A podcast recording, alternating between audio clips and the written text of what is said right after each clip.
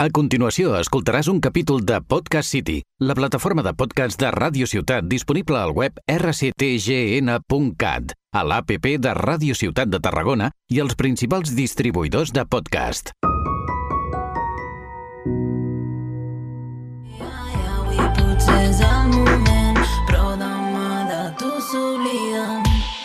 Créixer confiant en el demà,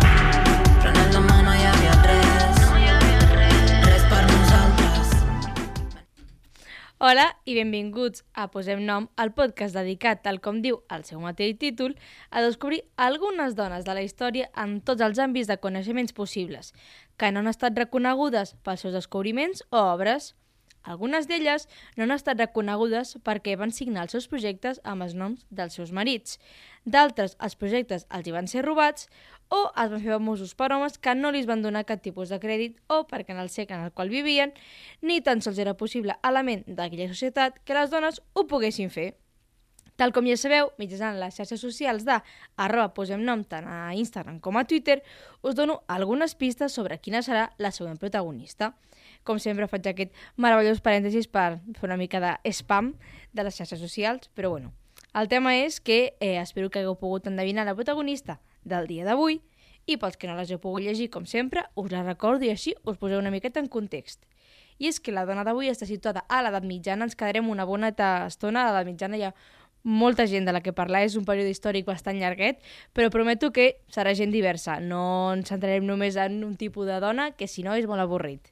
I, com tal com us vaig comentar, no és europea, per tant ens despreciem una mica de el que diem sempre i l'altra pista és que és una poetesa. Doncs bé, dit això, us presento a la nostra protagonista d'avui, el càncer.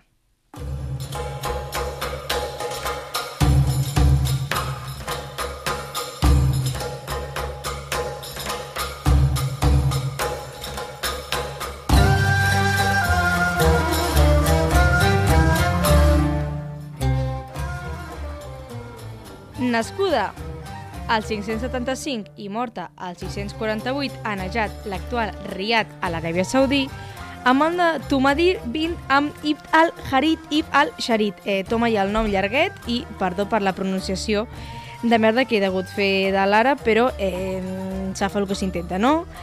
Però més coneguda i per fer-ho més facilet com Alcança, que significa nas xato o bé gazela, són apodos així interessants, va ser una de les poeteses més importants del període preislàmic i islàmic temprà i és considerada la millor autora d'elegies àrabs i un dels poetes àrabs més grans i respectat de tots els temps. Sí, sí, senyors, una dona, eh? Us presentareu perquè vinc a parlar d'ella, no? Doncs bé, a veure, la gràcia d'aquest programa no és parlar de dones poc conegudes de la història jo crec que nosaltres, els europeus, i entre ells m'incloeixo jo, ens mirem molt al malic, no? I només parlem de figures com nosaltres, europees, que tinguin doncs, una relació amb la nostra història. Però l'islam i la seva cultura també forma part de la nostra història, sobretot aquí a Espanya, amb tota l'Àndalus, no?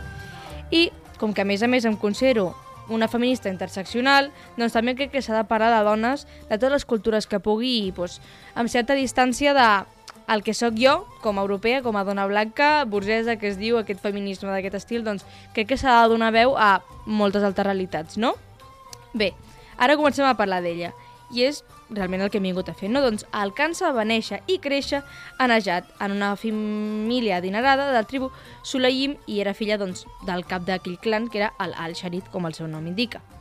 I aquí és el que vinc a dir, és que el paper dels poetes abans de l'islam era doncs, compondre elegies, que són eh, uns tipus de poemes que tracten sobre eh, persones que han mort, no? dedicats a persones que han mort, dels membres de les tribus eh, que havien mort en el camp de batalla. No? I aquest és el cas de els germans d'Alcança, per això ella és famosa, i és que en aquella època eh, Najat, que és a l'Aràbia, es caracteritzava per guerres tribals constants i la nostra protagonista va tenir la desgràcia de viure-les bastant de prop. I és que a l'any 612 el seu germà Muyihat eh, va ser assassinat per una tribu contrària i doncs el seu altre germà Sakar es va voler doncs, venjar de la mort del seu germà, però doncs, ho va aconseguir, es va carregar una quanta gent en vengança, però al cap d'un any, un any i mig més o menys després, doncs, va morir degut a totes les ferides i seqüeles que li ha provocat doncs, aquest enfrontament de revenja con... del seu germà, no? Llavors, què va fer el càncer? En vez de posar-se a plorar, no? va decidir expressar el seu dolor en poesia, que és una cosa bastant normal, la veritat. Vull dir, tots els artistes, tant actuals com anteriors o antics, expressen els seus sentiments, no? Vull dir, amb quadres, cançons, escultures, textos... Doncs ella què va fer? Doncs escriure més de 100 elegies eh, només sobre la mort dels seus germans i a la seva època doncs, el que feien específicament eren les poeteses era que un cop escrits aquests textos el que feien és recitar-los en competicions orals públiques i en aquestes competicions és on el va guanyar molta fama i molt de respecte entre els seus congèneres i la seva tribu. Un dato aquí, com anecdòtic no, és que el era contemporani del profeta Mahoma i a l'any 629 se'n va anar a Medina, que és on vivia ell, amb el seu clan i el que va fer va ser doncs, conèixer el poeta i després d'aquesta trobada es va veure super il·luminada per la religió islàmica i va adoptar l'islam com la seva religió. I doncs aquí és un dato que diuen els estudiosos i és que fins i tot Mahoma li va demanar moltíssimes vegades durant l'època que va estar a Medina que li recités poemes i per tant doncs, podem suposar que es van fer bastants bons amics, la veritat. I ara passen a la part més personal del Kansa, si és que fer elegies pels seus germans morts no és personal, és que el Kansa es va casar dues vegades i va tindre sis fills, tot una crac. I que tots van ser poetes, també molt bona aquesta de retransmetre als teus fills doncs, les coses que fas, no? En plan, aquest gen artístic, continuar-lo, no? Però el Kansa, una altra vegada, per desgràcia, aquesta dona, desgraciadament, li persegueix la desgràcia tota l'estona, és que quatre d'ells, que es deia Jahid, Munhayat, igual que el seu germà, mort Amr i Amra, toma ja també alguns noms semblants, doncs es va morir en la famosa batalla de Qadishak, que és una famosa batalla en què l'exèrcit àrab-musulmà del primer califat es va enfrontar contra l'exèrcit de la persa sassànida, guanyen els musulmans, però morint quatre fills d'Alcança. És una batalla en, organitzada o ubicada en l'època de la primera expansió àrab i musulmana de, de la zona. I aquí, doncs, el Karsa, que doncs, va quedar bastant soleta, pobreta meva, doncs el califa Omar li va otorgar doncs, una pensió perquè pogués viure en reconeixement doncs, de l'heroisme dels seus quatre fills que havien mort en aquella batalla. I anem a parlar realment de seu art, dels seus poemes. I és que, encara que va viure en l'era musulmana i es va convertir en musulmana, tal com us he comentat, la poesia del Kansa doncs, va estar molt arrelada al temps i en els temes preislàmics. La majoria dels seus poemes són elegies, tal com he comentat, que són doncs, eh, aquesta, aquests poemes dedicats a les persones que han mort en el camp de batalla i doncs el Kansa va ser reconeguda com una veritable mestra en aquest gènere tan ancestral, no?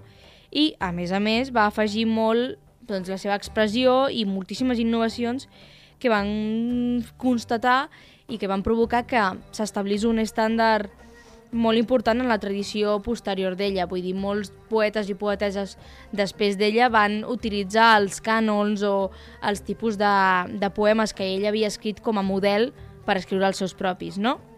I destaca moltíssim la intensitat i la força de la seva expressió en els seus poemes ja que també tenen com un sentiment molt d'angoixa i de tristesa i de dolor perquè són doncs, elegies dedicats als seus germans, vull dir que se'ls estima, no? Però també té com una mica com de també tendresa i com la necessitat de, de Hope de tindre'ls presents, no? I d'aquest com carinyo que es diu de tot i que han mort, el tinc molt present, no? I aquí és una cosa que, doncs, aquesta figura de la mort d'Alcança, doncs, per ella era només digna si defensava doncs, els llaços aquests més genuïns, que són doncs, els que ens lliguen a la vida, no? I que estan relacionats amb, doncs, amb l'honor, amb la família, tota aquest, aquesta temàtica, morir per aquests aspectes, no? per Alcança era com a molt important i volia remarcar-ho moltíssim. I aquí és una cosa positiva que m'agrada sempre comentar de les persones que són escriptors o escriptores com a Gèria, que Gèria doncs, teníem uh, poc, ja no, no teníem complet el seu text, doncs, o de Safo, que cada molt pocs poemes seus perquè havien estat destruïts no? pel papa Gregori, doncs d'Alcança tenim la sort de que es conserven unes mil línies de la seva poesia, que són unes quantes, no? Ja que, per sort, doncs, tota la seva antologia poètica les conserva perquè erudits islàmics posteriors la van recollir i la van utilitzar per estudiar el, el Corà, no? I de tots els seus poemes us vull destacar dos, que són El temps m'invaïa i, doncs, òbviament, les elegies dels seus germans, però sobretot la dedicada al seu germà Sacar. I aquí una anècdota rellevant sobre la seva vida és que va haver-hi un poeta molt important de l'època anomenat el Navija que li va dir a Alcança que si no hagués escoltat recitar poemes a un altre poeta molt important de Climomi que es deia Abu Basir, doncs hagués dit que Alcança era el poeta més important de tots a, dels temps àrabs. I degut a això doncs, va dir que Alcança simplement doncs, era la poeta més gran entre els que tenen pits. Però Alcança, que era doncs, en plan, com que ja tenia una miqueta de fama, una miqueta de reconeixement, doncs, se va atrevir una, una miqueta i li va dir no, no, no, t'equivoques una mica i és que l'Alcança li va dir jo sóc també la poeta més gran entre els que tenen testicles, fent referència doncs, que ella s'autoconsiderava no, la millor poeta de tots els temps, independentment del gènere que tingués, no? Però bueno, en resum, Alcança és considerada la millor autora de les gies àrabs i una de les poetes més grans i respectades de tots els temps en tota la tipologia àrab. Per avui tanquem el capítol del Cansa, que ja sé que ha sigut una miqueta més curtet de lo habitual, però és que a vegades costa trobar informació, però jo m'esforço tot el màxim que puc. I ara doncs procedirem a donar algunes pistes de la protagonista del pròxim programa. I és que la següent dona estarà situada a l'edat mitjana i us he comentat que no marxarem gaire d'aquí i que tampoc no és europea, com el Cansa és, no és d'Europa, i l'altra pista és que és una reina com bòudica, així que podeu anar fent les vostres indagacions i, tal com ja sabeu, mitjançant les xarxes socials de arroba posenom, tant a Instagram com a Twitter, us recordaré les pistes abans de publicar el següent capítol. Espero que us hagueu passat bé, que heu hagués après bastantes coses noves, que us hagi descobert doncs, aquesta poeta àrab que jo crec que si aquí passa bastant que no tenim en compte aquesta cultura que també està molt arrelada en la nostra història i bueno, ens veiem al pròxim programa. Adeu!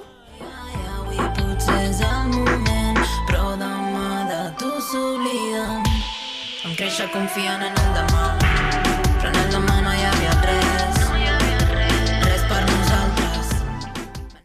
Has escoltat un capítol de Podcast City, la plataforma de podcast de Ràdio Ciutat disponible al web rctgn.cat, a l'APP de Ràdio Ciutat de Tarragona i els principals distribuïdors de podcast.